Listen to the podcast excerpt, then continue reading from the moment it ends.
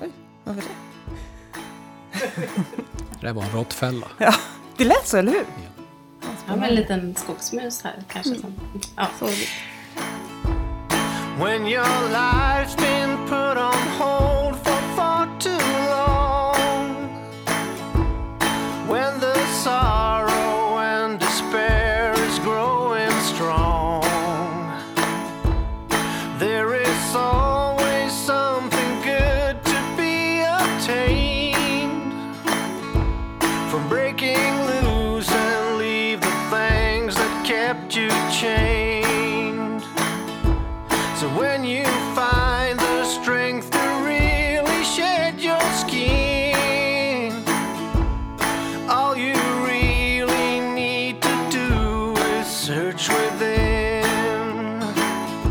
Behöver vi verkligen kaffebryggare, mikrougn och all annan tänkbar elektronik för att bara leva en dräglig vardag? Den frågan ställde Tommy Lönnebacke i vår Facebookgrupp när vi efterlyste ämnen att ta upp här i podden. Och eftersom jag råkar veta att Tommy själv faktiskt har bott på en fjälltopp i snart ett år så tänkte vi att, äh, vad fasen, vi bjuder in Tommy själv som gäst till podden så får han prata om det här ämnet. Idag ska vi nämligen prata om hur mycket bekvämlighet vi behöver i vår vardag egentligen och hur svårt eller kanske lätt det kan vara att faktiskt ställa om till en enklare standard. Välkommen dagens gäst Tommy Lönnebacke. Tack så mycket. Du, eh, hur kom det sig att du ville ställa den här frågan? Eh, ja, jag har ju alltid gillat outdoor-livet. Eh, kokkaffe ute och så vidare. Och jag fick en möjlighet att driva en nationalparkskamp uppe på Fulufjället, eh, mitt i ingenstans. Och det har varit en riktig omställning för mig då som eh, att försöka leva väldigt, väldigt enkelt. Inget rinnande vatten, begränsat med el. Eh, och det tar tid innan man lär sig allting och man svär otroligt mycket innan allting fungerar. Vi, det är ju ganska aktuellt eh, i dagens läge när vi har enligt senaste rapporter har vi ungefär tio år på oss att stävja klimatkrisen och det kommer ju bland annat kräva en ganska stor omställning av eh, för, för oss alla, hur vi lever och vilka bekvämligheter vi ska leva med. Så det, jag tycker att det är ett väldigt intressant tema att ta upp i dagens avsnitt. Och du har ju som sagt gjort den här omställningen själv, så vi tänkte väl eh, försöka dra ur dig eh, alla insikter och utmaningar och problem och hur det egentligen har varit. En crash course i klimatsmart levande, helt enkelt. Eh, Men du kanske ska börja med att du bara berättar lite hur, hur du hamnade där på fjälltoppen. Där du ju är. Du driver ju nu då den här, vad kallar man det för? Stug... Ja, det är en stu, stugby egentligen, Ja, uppe på kalfjället. Ja. Jag fick nämligen Eh, i mitt Facebook-flöde någon som hade taggat mig eh, för ungefär ett och ett halvt år sedan och sa Tommy, det här är väl någonting för dig. Jag har då sista åren då promotat kajakfiske som sport runt omkring i Europa. Men jag, jag såg det här då att man kunde driva en kamp uppe på fjället. Och naturligtvis var det fisket som fick mig intresserad först. För jag har varit här för 25 år sedan ungefär. Eh, och det, det, rödingfisket det lockade mig verkligen då. Så jag skickade helt enkelt in en ansökan i en offentlig upphandling. Och lovade väl helt enkelt mest och vann den här upphandlingen. Så nu har jag gjort en säsong mitt på kalfjället. Jag har en månad kvar innan jag får återvända till verkligheten och vila upp mig en månad. Och sen kör du igång igen då? Sen flyttar jag tillbaka igen. Ja. Eh, Hur långt är liksom ditt kontrakt? Eller vad man ska säga. Åtta år är tanken att jag ska bo på fjället. Det är, det är ganska stort commitment innan man vet vad det handlar om. Ja, eh, det, det finns ju delar. Man, man kan ju välja att avsluta efter tre eller fem år då. Men eh, ja, jag känner redan efter första säsongen att jag, jag skulle nog eventuellt kunna tänka mig att förlänga det. Om inte jag köper en husbil när jag är klar och sen bara luffar runt. Ja, okej. Du känner redan nu att åtta år, det är alldeles för kort tid uppe på kalfjället? Ja, ju- just nu känns det så. Härligt. Och det är ungefär ett år sedan som du eh, flyttade upp va? För jag flyttade upp i början på det här året nu. Ja, ungefär ett år sedan. Eh, just det, vi kanske ska säga också, vi är ju uppe i Särna nu, eh, i vår, på vår släktgård. Och eh, Fulufjället eh, ligger ju, vad är det, en tre mil härifrån. Eh, så det är alltså uppe i nordvästra Dalarna då. Ja, längst oss. upp i pilspetsen i Dalarna. För Dalarna är en pilspets om man tittar på kartan. Alltid spjutspets i Dalarna. Ja, det är klart. det förklarar mycket. Ja. Och Fulufjället är ju lite vårt eh, barndomsfjäll kan man säga. Vi har ju varit där mycket genom åren. Fulufjället är ju då en, en av Sveriges nationalparker där också Sveriges högsta vattenfall finns och världens äldsta levande träd. Gran. Gran. Gran. Ja, men det, visst är det världens äldsta trädklon kallas det? Ja, ni- nio och ett halvt tusen år gammalt. Ja. Ligger på min bakgård. Det... Den får du inte såga ner. Det är min pensionsförsäkring, så att när jag går i pension sen, då tänkte jag skulle göra smörknivar av den och sälja på Ebay. Ja, det är genialt. vad gjorde du innan då? Alltså, vad har du liksom för bakgrund? Hur kom det sig att eh, du var lämpad för den här uppgiften? Ja, eftersom jag tittar lite grann på, eh, på själva ert program också, ska säga podden, och lite vad det har handlat om också. Jag var ju egen företagare redan vid 20 års ålder. Och i 10 år så drev jag sportfiskebutik. Och efter det eh, så tog jag faktiskt anställning som chef i lite olika branscher. Jag drev hotell, projektledare. Och sen hamnade jag i en av våra stora klädkedjor som chef för en av Sveriges största butiker. Absolut tråkigaste jag har gjort någonsin. Sitta och, och räkna på lönsamhet per timme. En stor personalgrupp eh, som, som inte alltid var sams då. Och när jag fick en ny chef där, så första dagen jag träffade henne, då sa jag att jag kommer inte vara kvar här så länge till. Och det var på en måndag. På onsdag ringer personalchefen från Göteborg och sen säger han Tommy, om du går hem på fredag så får du en årslön. På torsdag informerade jag personalen och så gick jag hem på fredagen. Under ett halvår så gjorde jag ingenting. Nej. Sen flyttade jag upp till Dala-Floda då, Dalarnas lustgård. Träffade en, eh, en numera riktigt god vän till mig, James Venimore från Nya Zeeland, som höll på med kajaker. Eh, och hamnade i kajakfisketräsket. Eh, började på att paddla och fiska oerhört mycket. Jag har alltid fiskat. Är det bra fiske i träsk? Kan vara, beroende på vad det är för träsk. Jag skulle vilja åka över till Everglades och fiska i träsken där. Eh, Det är spännande. Men eh, väldigt snabbt så tog det fyr det här med kajakfisket och jag fastnade väldigt för det. Så att eh, jag hamnade i ett team där jag fick uppgift att promota då kajakfisket. Snart startade jag ett kajakfiskemagasin. Och, och sen vart det väl mer eller mindre livsstil och paddla och skriva och fota och filma. Och det är väl det jag har gjort då innan jag hamnade på Fulufjället. Men jag har ett, en trave fiskekajaker med mig uppe på fjället också. Och det är väl lite en av min plan då att jag ska bjuda upp andra då som är intresserade av att testa och få komma upp i en helt unik miljö. Och det är ju en jättebra produkt också för hela Europa. Eh, och få komma upp i en sån miljö och paddla och fiska. För det, det går inte att göra någon annanstans. Nej. Vad, var, vad är det som gör att det inte går att göra någon annanstans? Vad är liksom Ja, det, uspen? ja, ja, grejen är att du släpar ju inte med dig en kajak upp i de miljöerna för det första. Jag har ju släpat upp den med det. skoter mitt i vintern.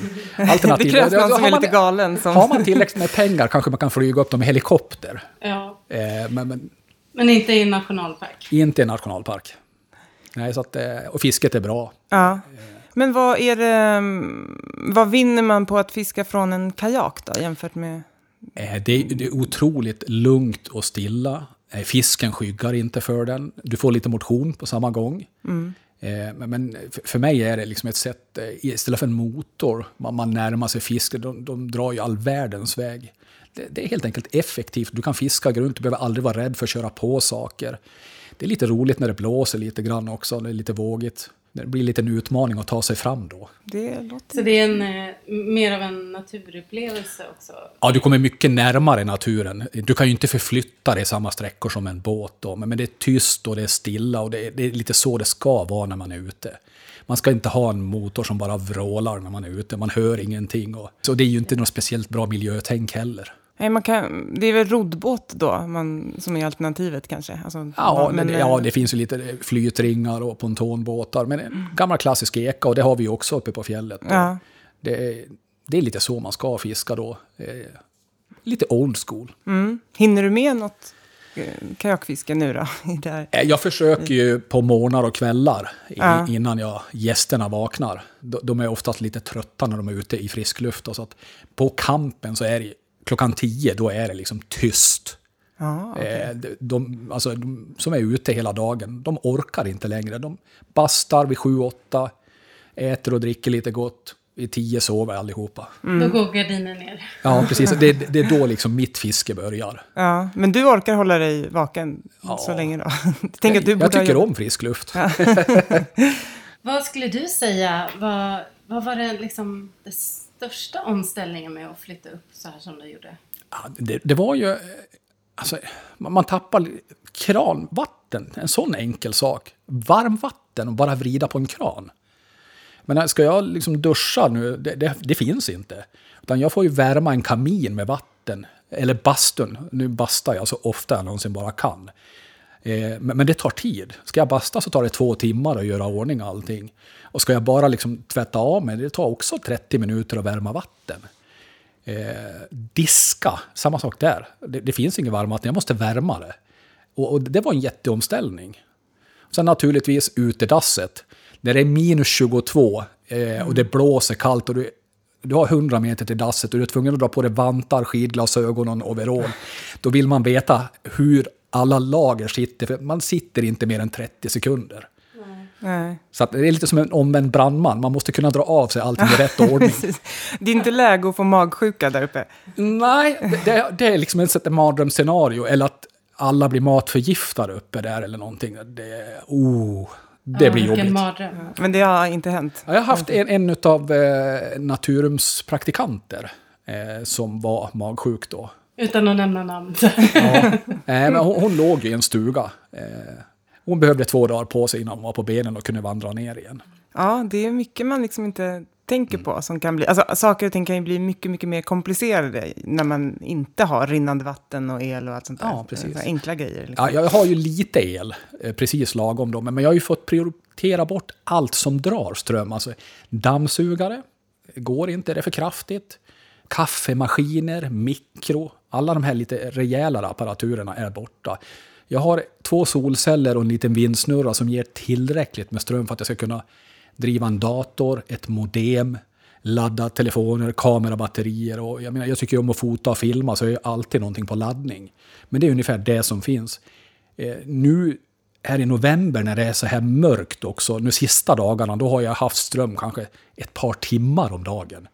Dels för att det har varit vindstilla och så laddar ju inte solpanelerna. Så att då gäller det att vara effektiv och kolla igenom sina mejl eh, och svara på det man tycker är viktigt innan strömmen försvinner.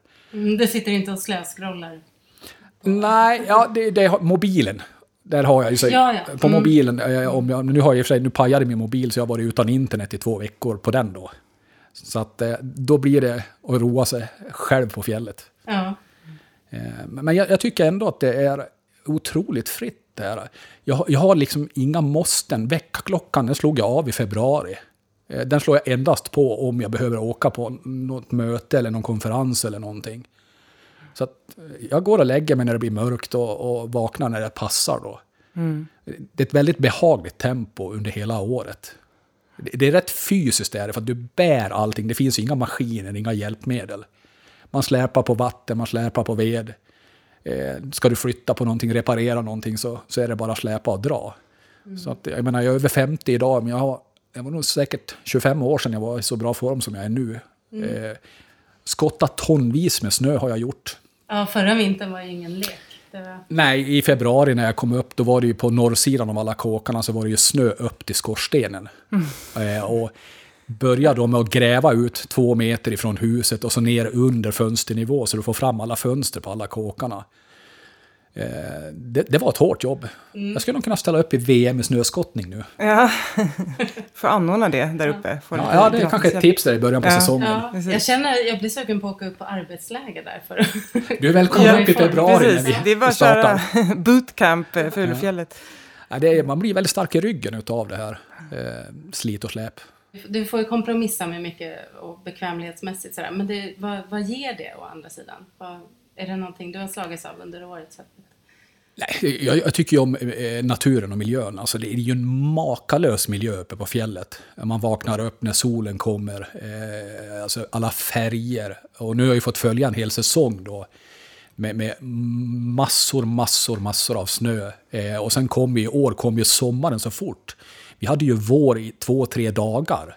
Och sen kom sommaren. Och sen var ju den evighetslång. Och sen kom hösten och uppe på fjället är det inte höst länge, utan det blir förvinter. Jag kommer inte ihåg, samerna har ju massor av sådana eh, olika årstider. Jag tror det är sju eller åtta olika. Och de har ju någonting som de kallar för förvinter. Nu kommer jag inte ihåg själva ordet. Men det kommer ju väldigt fort då. Kallt, eh, lite ruskigt och så vidare. Men det ju, har ju sin charm också med, med färgen och allting uppe på fjället. Ja, det är fantastiskt fint ju med Ja. höstfjäll.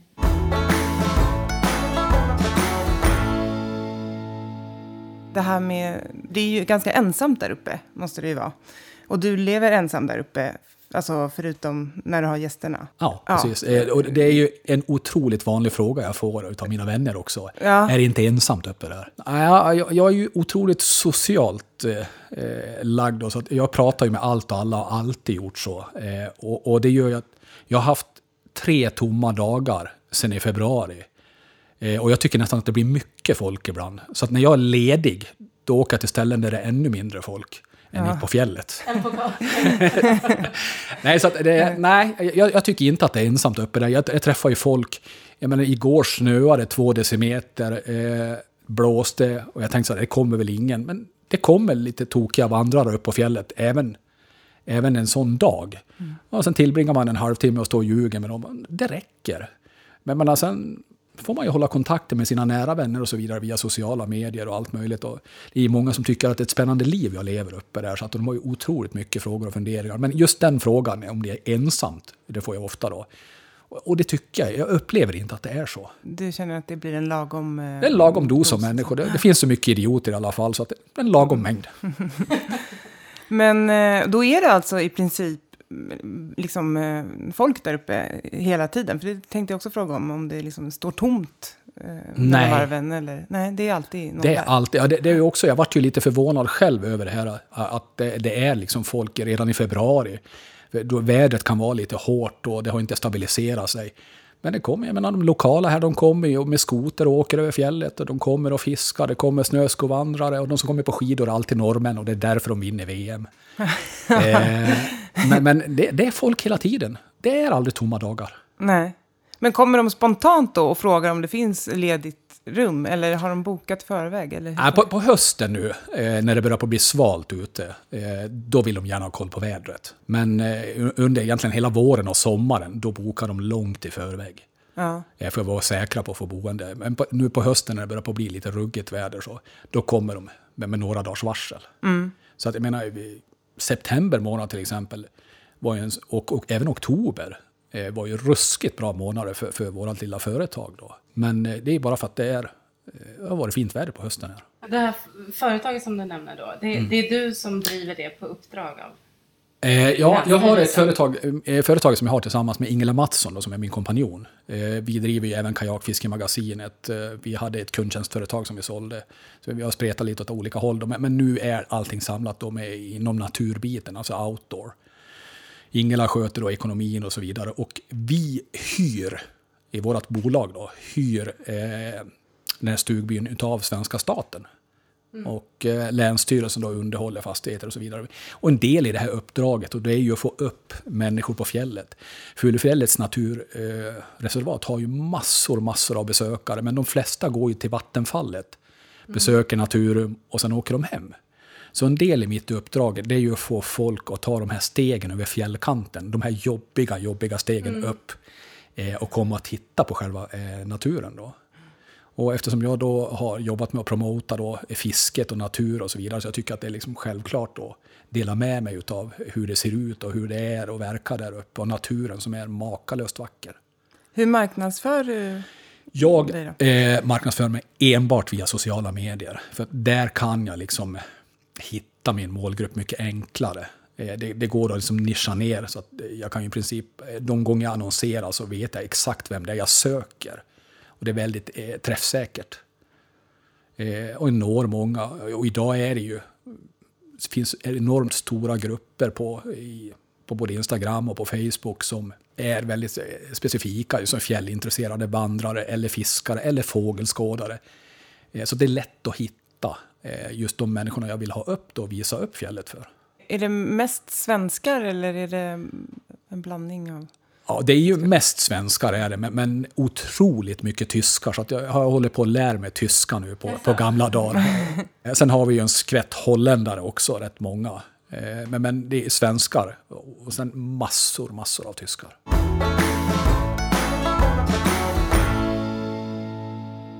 Jag tänkte gå tillbaka lite till det här med bekvämligheten. Jag är så nyfiken på hur du ser... För nu har du levt ja, snart ett år på det sättet då, utan rinnande varmvatten eller rinnande vatten överhuvudtaget. Vad har det givit dig för insikter kring det här med att backa bandet och liksom gå tillbaks lite? Tror du att det långsiktigt är något som många skulle klara av? Eller, och vad behöver man i så fall ha för inställning för att klara av det? Ja, precis. Eh, vi, vi, har ju, vi har ju idag ett riktigt sånt konsumtionssamhälle då. Där eh, allting vi använder i elektronik blir bland annat större och starkare och kraftigare och så vidare. Vi kan inte göra en kopp kaffe utan att förbruka då liksom ett halvt kärnkraftverk idag. Allt det här går ju att förenkla och det är inte speciellt svårt. Eh, och jag, jag tror ju att med, med ett par solpaneler, en liten vindsnurra, så klarar man sig väldigt långt. Du, du kan alltså titta på, ja inte tv kanske, men eh, via, över internet. Jag följde fotbolls-VM uppe på fjället. Inga problem över datorn. Jag hade 22 stycken personer inne i min lilla, lilla stuga som tittade på Sverige-matcherna.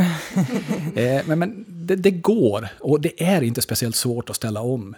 Utan man måste vänja sig kanske matlagning och sånt. Man får göra det allting liksom som man har gjort förr. Man får hacka och skära, man behöver inga maskiner för att skiva saker. Och det tar lite tid eh, när man inte kan värma i mikron. Men det går. Det, det tar ett par månader att ställa om och sen går det av sig självt.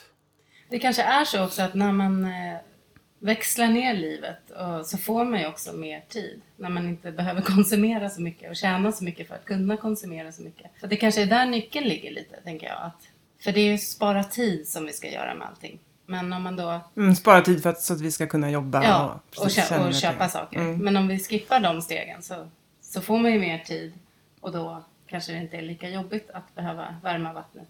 Nej, precis. Ja, precis. Jag, måste ju prioritera chipspåsen som förr, ja, man var lite sugen, det var bara cykla ner eller ta, eller ta bilen tio minuter ner till närmaste butik då. Nu tar det tre timmar för mig att hämta den här chipspåsen. Så den blir Man ska vara riktigt sugen. Ja, det, det blir ju när jag åker ner och handlar då, var tionde dag eller så. Då, då kan det, om jag har plats i ryggsäcken, åka med ett, en Pringles-tub eller någonting. Pringles är förresten någonting som är fantastiskt bra att tända brasor med. Oj då, det låter... Jajamensan! Ja, vi tänkte fråga dig om ett, eh, ditt bästa lifehack. Ja, Det precis. Får du- Ja, det, det Pringles är bra. Och, och sen är, just på fjället, så en Pringles-tub är jättebra att ha med sig i ryggsäcken. Dels så fungerar det ju som skräpkorg. Den är ju nästan tät. Ja, just Eh, Så det. kan du peta ner allt skräp i den där och sen kan du både äta gott och tända en brasa om det är fuktigt. Vadå, du tände brasan med själva chipsen alltså? Ja, ja. Det är fe- fett och salt brinner som tusan. Jaha, okej. Vilken grej.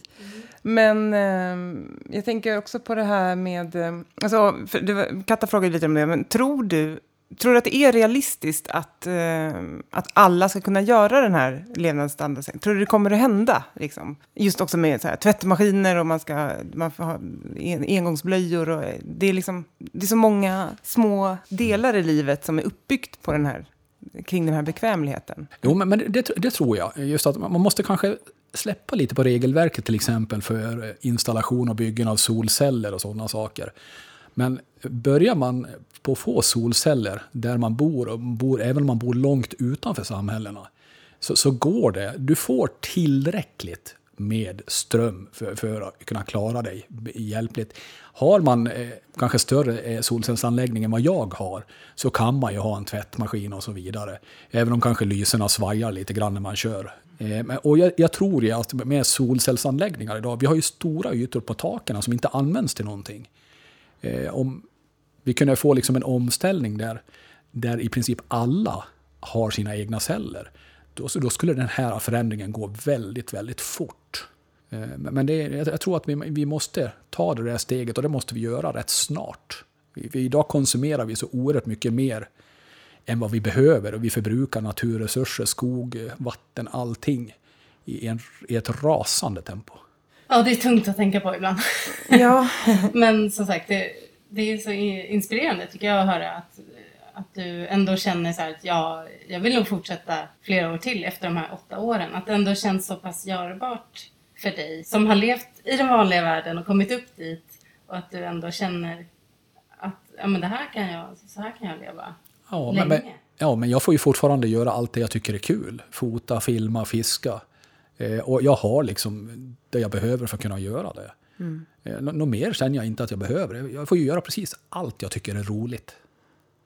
Men frågan är ju också, eh, om man tänker, för nu är ju du också tvungen att leva så här. Alltså när, när du ska vara där uppe, så det finns ju liksom inget alternativ. Det finns inte rinnande vatten och det finns inte så mycket el och så där.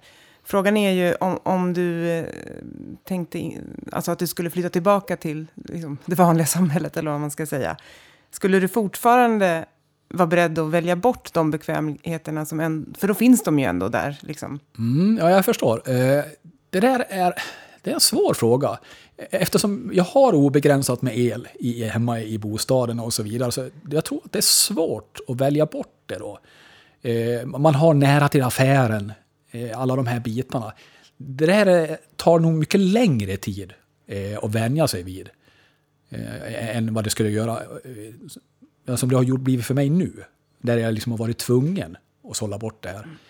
Men men jag tror att det är en träningssak. Man man måste sätta sig och, och lista. Det är ungefär som när man gör sådana här, man har drivit hotell, man eh, ska få några olika typ gröna certifieringar och så vidare. Där man hela tiden ska vässa sig varje år.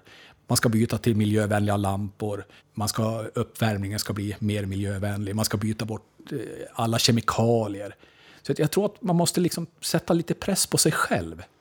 Eh, och inte bara vara bekväm.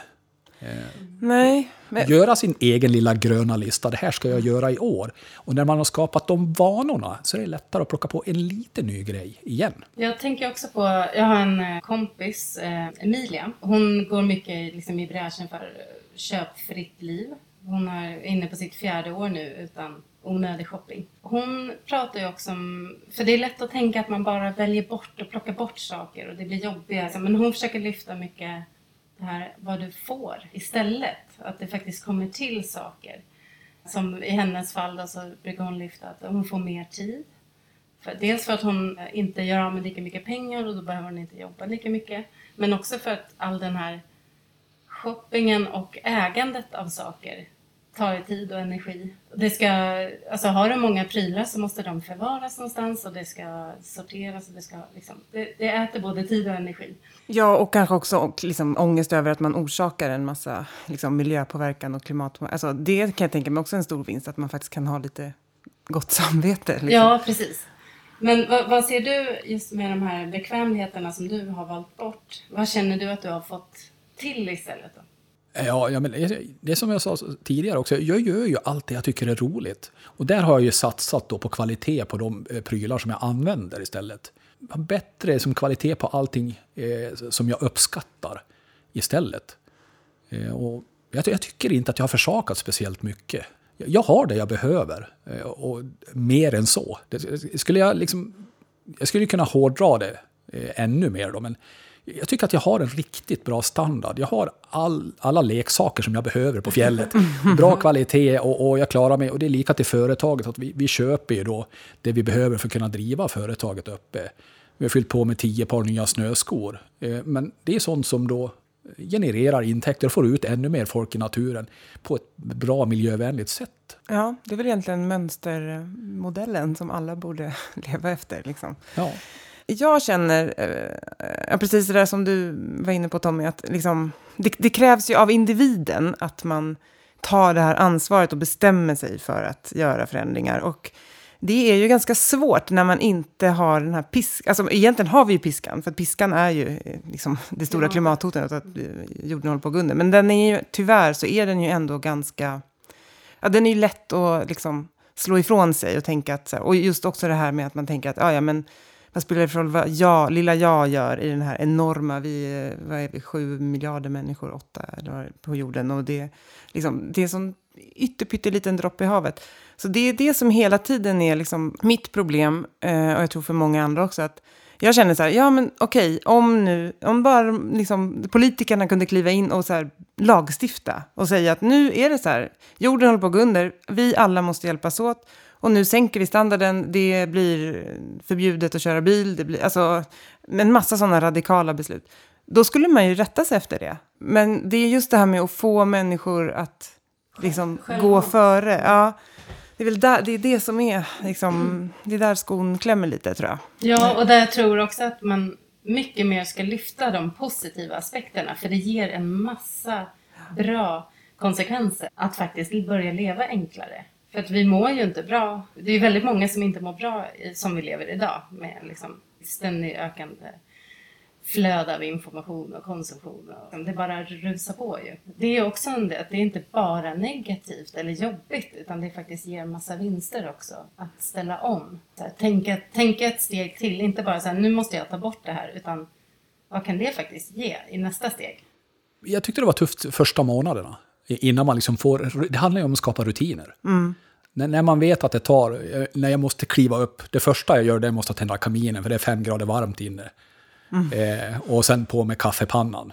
Det handlar ju om att skapa rutiner och när man har gjort det där så då går det av sig självt allting. Och, och det- det är inte jobbigt, det är inte en uppoffring. Vad var det som var allra jobbigast att vänja sig av med då? Ja, det är, nej, det är nog varmvattenkranen. Det är nog det så, absolut svåraste. Det är väldigt enkelt. Du får varmt vatten direkt och bara vrider. Mm. nu, det tar tid. Eh, men, men det tog ett tag. Men, men det är som sagt nu, nu, tänker jag inte ens på det. Jag går ut och hämtar eh, vatten i eh, 12 liters hinkar, två stycken. Var hämtar du vatten? Finns det en Eh, Vi har en källa? bäck som ligger liksom 100 meter ifrån anläggningen. Då. Vattnet uppe på fjället, överallt där det rör sig, är ju drickbart. Det är lite jobb att hämta vatten också, om man inser hur mycket vatten det går åt när man själv får bära hem det. Eh, när man bara vrider på en kran så har man ju ingen aning om hur många liter det går. Och jag ser ju när jag återvänder till civilisationen, så spola en toalett, det har jag glömt bort hur man gör eftersom jag går på dass. Ja, just det. Eh, Men jag uppskattar verkligen en varm dusch när jag kommer ner för att det går väldigt, väldigt fort. Men hur gör du då när du duschar? För du värmer vatten. Har du någon utedusch då? Eller vad? Nej, jag, jag vä- värmer ju då eh, i en stor eh, kamin då, va- vatten och sen har jag två stora lövkorgar med kallt vatten och så blandar jag i en balja då eh, för att kunna tvätta av mig. Helt Ja, enkelt. så du, du, det är inte så att du duschar på det sättet, utan du tvättar Jag får dig, tvätta, liksom. av mig på Ja. det viset då. Jag hoppas ju sen med, eh, när vi ska bygga om bastun uppe på fjället där att jag kan få någon form av dusch kanske. Mm. I, gärna då en gasol eller solvärmd variant. Och matlagning? Det, har du en... eh, Eh, Jag, jag har gasol så det är Ja. rena lyxen. Då. Jag har en ugn och eh, ett par plattor. Då, så att det, jag lider ingen brist. Och det är ju det att jag måste ju bära upp maten. Och jag är inte så att jag vill äta någon pulvermat. utan Jag vill ha riktig mat. Då, så att, eh, jag unnar mig de här extra kilorna i ryggsäcken varje gång jag är ner till Särna och handlar. Det gör ont ibland att gå upp men det är det värt när man står där. Jag hade för ett par veckor sedan hade jag två unga tjejer som kom förbi sent på kvällen. Det var riktigt dåligt väder. Jag gjorde en potatisgratäng och hade en stor köttbit på stekpannan. Och sen öppnade jag då, eftersom jag bor i huset där jag har receptionen också, så öppnade jag dörren när de klev in där. Så det första hon säger, vad äter du för någonting? Och jag förstår det om man då lever på sån här eh, frystorkad mat där man ska bara slå i lite vatten eller någonting. Jag menar, det, Ja. det är fine att leva någon dag på, men jag kan inte göra det i liksom tio månader om året. Det funkar inte. Nej, för det var ju en lyssnare som ställde frågan så här, vad, vilka bekvämligheter prioriterar du? Och, så då är mat, bra mat då en av dem. Ja, bra mat, men men sen är det ju det som jag använder då. Eh, Kamerautrustning, fiskeprylar och sådana saker. Kläder är jätteviktigt eh, när man jobbar och bor sådär som jag gör. Jag skulle gärna vilja haft en tvättmaskin då. Det hade ju underlättat vansinnigt och det tar tid att tvätta för hand. Eh, och det är också någonting som jag inte hade en aning om hur man gjorde. Och sen hitta tvättmedel, en sån enkel sak. Flytande tvättmedel som är ekologiskt, just biologiskt nedbrytbart eh, och som går att använda då eh, till handtvätt. Och då det gäller det också att välja kläder eh, som går att tvätta för hand och torkar fort. Du har ju liksom begränsat med garderobsutrymme. Jag bor i kan jag säga, som en stor etta egentligen då. Eh, men jag har väldigt dåligt med plats. Garderober har jag egentligen bara en. Eh, och då, då gäller det att begränsa liksom antalet kläder också. Eh, men jag, jag måste ju ha då massor av olika lager. Eh, och jag märker ju själv då, när jag hittar rätt så då, då fyller jag på just av de plaggen och så vidare. Så det är, jag har en lite enformig garderob, den ser väldigt likartad ut. Det är också skönt, då, då får man ju också mer tid. Du slipper liksom stå och välja vilken färg du ska ha på Ja, skjortan på morgonen. ja jo, precis. Det, det, det blir väldigt enkelt. Och sen är det, man är uppe på fjället så behöver man inte vara så trendig. Ja, det, det låter ganska lockande det där livet faktiskt. Kanske ska... Ja, vi kan komma upp och praktisera. Ja, Ja, precis. Det är behagligt. Och det är ett lugnt, fint tempo. Så. Ja, men jag tänkte på, för du sa ju att du eh, inte har så mycket, eller du har allt du behöver nu, eh, men du har inte så mycket saker. Men har du, har, gjorde du dig av med alla dina saker innan du eh, liksom åkte upp på fjället? Eller har du magasinerat en massa prylar någonstans? Jag jag har ju en, en vanlig bostad kvar i Dala-Floda. Ja, Eh, okej. och, men där står det, i, i den, ja, den bostaden är idag i princip ett magasin och en säng. Men så det är dit du återvänder, för nu sa du att du ska vara, vad hade du, en månad kvar och sen ska du vara ledig? Ja, och sen, eh, sen, vi stänger ju för, i december och januari, de liksom mörkaste och kallaste månaderna på fjället. Då. Ja. Eh, Men då, då kommer jag vara i Floda eller på resande fot lite grann. Ja, Hälsa på vänner och sånt där som inte har hunnit med eh, under året. och duscha varmt. Duscha varmt varje dag. Bada, ett badkar kanske. Ja. Riktigt miljövänlig i två månader.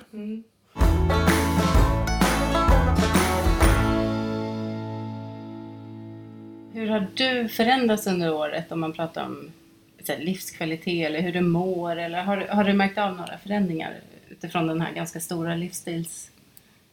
Det finns, finns absolut ingen stress kvar.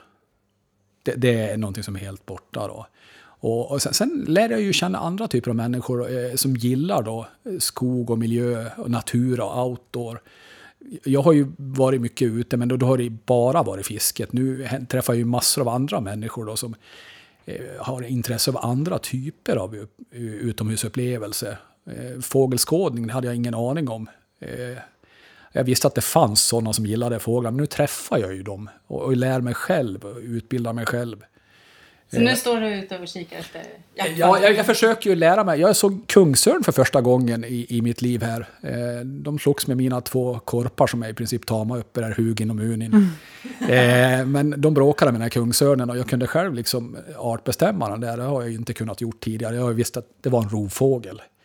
Eh, Men det är lite spännande att se och jag lär mig ju saker hela tiden själv. Och sen person, personalen är på Naturum också då som är riktigt duktiga. Eh, som jag, det är väl mina närmaste arbetskollegor så att ibland knallar jag ner en timme från fjället och så går jag och dricker en kopp kaffe med dem. Men de är otroligt kunniga och man lär sig mycket om, om skogen, den här gammelskogen som finns i, i naturreservatet då. Eh, och, och det gör ju att jag skaffar mig ännu mer kunskap om miljön.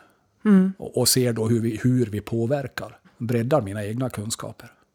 Ja, Naturum är... Vad, vad är det egentligen? Det är Alltså, väl eh, ett, säga, ett informationscenter för turisterna som besöker eh, Fulufjällets nationalpark. Men det finns ju sådana naturum på andra ställen runt om i Mm, landet. Men, det. är ju ett informationscenter. Och personalen som jobbar där är otroligt kunniga i, i, i alltså den biotop där de jobbar och verkar. Eh, och gå eh, en guidad tur till exempel till Old Chico genom Gammelskogen med Sofia eller Sebastian som jobbar där. Det är en upplevelse. Eh, de, de hittar på saker som man inte visste existerade en gång. Det måste vi testa ja, faktiskt. Jag tänkte direkt också på att man skulle ta med barnen och göra det. Ja, det, liksom- det är, man blir intresserad av skogen när man går. Jag visste inte att de hade guidade turer. Ja. De, de flesta som kommer de ser ju bara bilderna där man matar eh, fåglarna utanför naturen. Där de är i Ja. princip tama. Lavskrikorna. Lavskrikorna, ja. Det är, eh, men just de här guidade turerna är otroligt intressanta. Man får se då hur skog ser ut på riktigt. Eh, med den gammelskogen och hela vägen ifrån små, små pytteträd till de här gamla då, som kanske har legat tusen år i skogen där som håller på. Inte de här planterade contortatallskogarna. Nej, precis. För, för mig, jag trodde att det- skogen såg ut så innan jag eh, började på umgås med de här människorna uppe här. Då. Och, eh, nu förstår jag att det är industriskog. Det är, alltså, det är precis som vi sår saker, havre eh, på ängar och så vidare. Det är egentligen inte skog, utan det är förbrukningsmaterial. Ja, det är stor skillnad när man kommer in i skogen där vid Fyllefjället. Ja, det är, och bara gå ner där med en kamera eh, är ju precis, man får den John Bauer-känslan. Eh, man, man kommer till de här små bäckarna och eh, solen, som, det är ju så pass nära med träden, så det är ju inte sol överallt, utan den kommer ju mellan trädgrenar och sånt här. Så det är en rätt häftig upplevelse att bara gå genom parken bort till vattenfallet där då. Och även det liksom är ju en makalös grej då, eh, vid Ja. fjället. Ja, Njupeskär är ju fantastiskt. Alltså, Mm. det här. Ja, det, det är liksom resterna från mitt kaffevatten, det som blir över. Vad bra att du inte dricker för mycket kaffe då. Men ehm, jag tänker på, om man pratar lite om själva liksom, affärsupplägget. Och så här, vi, vi har ju bland annat fått eh, en fråga tidigare från en, en av våra lyssnare som har reagerat lite på att eh, alla vi har pratat med hittills har ju liksom eh, haft ett sparkapital och gått in och liksom satsat pengar på att kunna förverkliga sina drömmar på olika sätt. Men hur ser det liksom ut med, med ekonomin i den här verksamheten? Och har du också fått gå in och liksom gjort, alltså haft med ditt sparkapital och investerat? Eller är är det liksom någonting som man bara kan göra, eh, som vem som helst skulle kunna göra egentligen? Jag, jag lever ju så otroligt enkelt, så jag har ju en, en, en lön idag som kanske är en tredjedel eh, av vad jag hade när jag var anställd. Jag, jag gör inte slut på någonting mer uppe på fjället. Det finns ingenting att shoppa och göra slut på. Så jag behöver inte de slantarna. Eh, och, och, och det är ju fördelen kanske med att ställa om också. Du förbrukar inte så mycket pengar eh, som man har gjort när man, man bor nära till shoppingen. Eh, Så jag har liksom inga problem med- med den biten och vi behövde inte gå in med speciellt mycket. Det vi behövde köpa när vi startade här var ju skoter och en vagn egentligen. Eh, Och sen var det bara att tuta och köra. Sen är det ju alltså, det som gör att eh, företaget då, eh, och, eh, växer. Det är väl egentligen vår egen arbetsinsats då med att synas och höras eh, och, och försöka få folk eh, att uppskatta den här upplevelsen folk som kommer upp bara på en dagtur berättar om vad de kan göra ifall de kommer återigen då, stanna lite längre. Och nu har jag bara varit uppe en säsong på fjället här, men jag ser ju då redan till nästa år så har jag ju otroligt många av de här människorna som jag stått och pratat med över en kopp kaffe då, som har bokat. Och, och den här gången då stannar de längre. Istället för att gå och göra en dagtur bara på fjället, kanske de stannar två, tre, fyra dagar. Men du har sett att det, det är en tillväxt under året som det har varit där? Ja, oh ja. Eh, Vi fick ju information då när vi gick in i upphandlingen av Länsstyrelsen på hur det har sett ut. Då. Men man, man lämnar ju information till SCB på hur mycket gästnätter man har bokat. Då. Och vi kommer förmodligen att landa beroende lite grann på hur isfisket blir nu. Jag är lite orolig för att det kom så mycket snö på nyisen här. Eh, Men någonstans 30-35 procent i år. Och då har vi redan nu bokat kanske då 40 procent mer än vad vi hade förra året. Och då har vi inte ens börjat den nya säsongen. Så att, eh, men, men det kommer ju med en baksida och det sliter ju hårdare på naturen när det kommer mer människor upp. Och, och det är ju sånt som vi brottas lite med. Och jag har ju då kontakter med Länsstyrelsen, Naturvårdarna och så vidare. Och på sikt så kanske man då Eh, idag får man ju gå lite som man vill, då, men på sikt kanske man måste styra då besökarna till att följa leder. Och, och kanske då göra det så bekvämt som möjligt, för vi är bekväma och lata av naturen. Eh, och göra det så enkelt att följa de här lederna som möjligt så att man inte går på egna strövstånd Ja, och börjar på slita. Då. Och eftersom det är en, en, en skyddad miljö, vi har, det är ju Sveriges enda renfria fjäll, så det är ju en otrolig miljö som finns där uppe med lavar och mossor och sånt som inte finns någon annanstans. Och så fort någon går utanför stigen så, så trampar man ju sönder dem, eller på. Ja, jag, så, jag såg ju själv bara vid, vid eh, anläggningen när jag filmade med drönare och gick rakt upp. Det ser man ju inte när man står på marknivå, men när du kommer en bit upp så ser man ju att det är stigar, små stigar trampat överallt. Och, och det är ju inte riktigt bra, utan det är ju någonting vi kanske då måste försöka folla in besökarna lite grann då, genom att göra det så bekvämt och så enkelt för dem som möjligt att följa en asfalterad stig, det är Yellow Brick Road på fjället. Ja, det låter tråkigt, men jag förstår att det behövs. Ja, och om man då vill ha upp människor och visa, visa den här. För det, det håller inte för hur mycket folk som helst heller. Nej.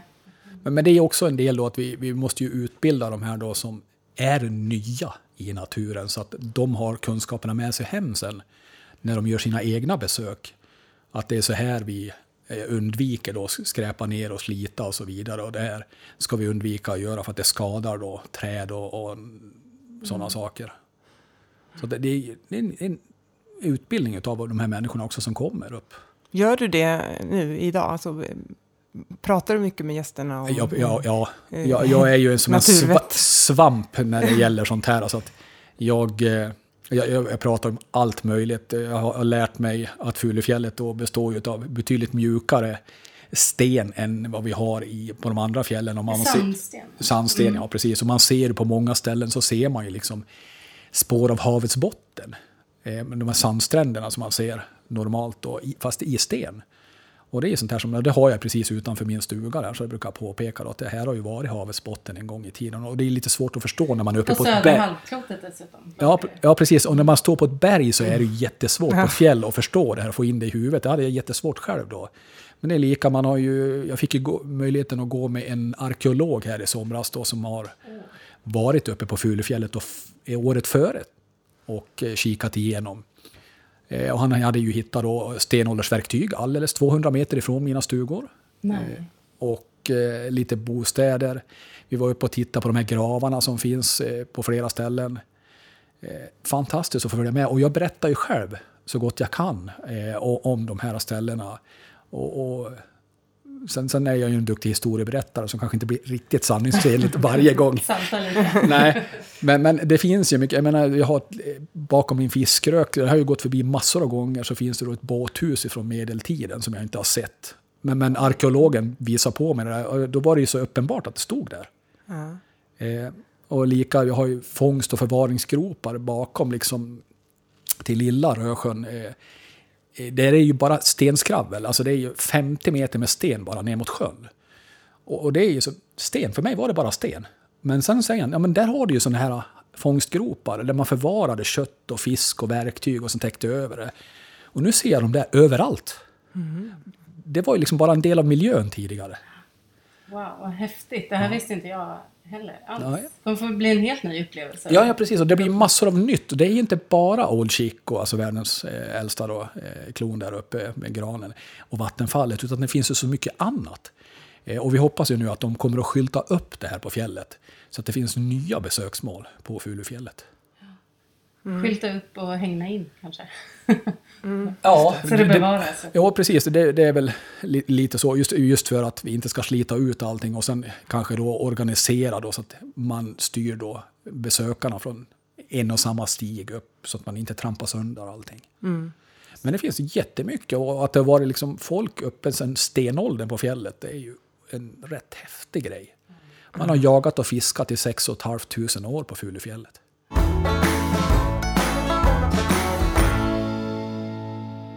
Ja, jag har en fråga till dig, lite som avrundning kanske. Men vilka reflektioner och steg tror du att vi andra kan göra liksom i, i den här vanliga vardagen i, nere i verkligheten för att ändå skifta ner bekvämlighetsgraden en aning? Nej, jag, jag tror lite grann att det blir att försöka... Eh, man, man måste bestämma sig helt enkelt att eh, Eh, jag ska försöka dra mitt strå till stacken. Och, och kanske bara ta det i små, små steg. Att i år gör jag så här. Och sen istället för att man ska gå ner i vikt eller bli miljonär nästa år vid sitt nyårslöfte, att man lägger på en del till. Att nästa år ska jag försöka tänka så här då, att jag ska förbruka mindre vatten eller att jag ska ha all belysning ska vara eh, miljövänlig eller någonting annat. Eh, små steg. Mm. Och jag, jag tror att när man har fått det till en vana så märker man det inte längre. Det, låter, det låter ju superenkelt. Det är ju bara att börja. Jajamän. Det är lite det vi har promotat också ju, att man ska göra, liksom, ta små Baby steg åt det. Ja, ja. precis. Jo men det är ju mycket lättare Funkar för det än att bara kasta om helt. Och så just det här att se alla vinster som kommer med det. För det är inte bara uppoffringar. Man mår bättre. Det är ju faktiskt... Eh, är Flytta upp på kalfjället och må bra. Ja, precis. Alla borde ha en stuga på kalfjället. Ja, Ja, men vad bra. Men då eh, får vi väl säga tack så mycket ja för idag. tusen tack för att du kom. Och jag har blivit så himla nyfiken på att gå upp till Fulufjället än en gång med helt nya ögon. Ja, jag med. Man blir väldigt sugen. Ni är Ja, välkomna. ja, Ja. tack så mycket. Vi- Just det, jag tänkte faktiskt på det bara, att vi kanske skulle säga det här med att du kom hit idag. Det var inte heller bara liksom, snutet i näven, apropå hur du lever. Att det, var, det blir en ganska strapatsrik eh, promenad för dig att bara ta dig hit ner till Sana. Eh? Det var... Idag var det lite kämpigt. Ja, Eh, Det hade kommit nästan 20 centimeter snö. Eh, I morse spöregnade. Eh, Så att, ja, det tog en lite bit över en timme ner då. Eh, Otroligt varmt idag också. Så att jag, som tur var så har jag möjlighet att byta om och sätta på mig lite fräscha kläder när jag kommer ner till naturen och hänga upp mina andra kläder på tork, tömma ryggsäcken och så vidare. Men det tar ett- tag att komma ner till Särna då. Det är inte långt fågelvägen. Men när man ska promenera, eh, och idag syntes ju inte leden kanske riktigt då som den brukar göra när den var täckt av snö. De hala stenarna syntes inte. Eh, nej, precis. Jag, jag åkte lite rådel i nedförsbacken på ryggsäcken. Det gick bra. ja vi är väldigt tacksamma för att du eh, tog dig eh, tiden och eh, energin att ta dig hit. Det var jättekul att träffa dig. Tack så mycket. Ja, tack.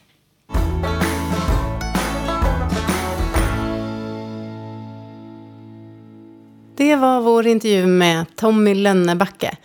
Och precis som vi pratade om i avsnittet så driver han Rösjöstugorna uppe på Fulufjället. Och det kanske är så att du också har blivit lite sugen på att bo på en fjälltopp. Eller åtminstone vill testa det några nätter. I så fall kan du gå in på rosjostugorna.se, alltså rösjöstugorna.se och eh, kika in, eh, läsa lite mer och kanske till och med boka. Om du vill få en eh, härlig inblick i hur det kan vara att bo på ett fjäll så kan du följa Tommy på Instagram också. Sök på Fulufjället National Park så kommer du hitta hans konto. Och det blir mycket härliga fjällbilder, det kan jag lova. Och som vanligt så vill vi tacka Sven Karlsson och Epidemic Sound för vår älskade poddlåt. The Search Within heter den. Tack, tack, tack.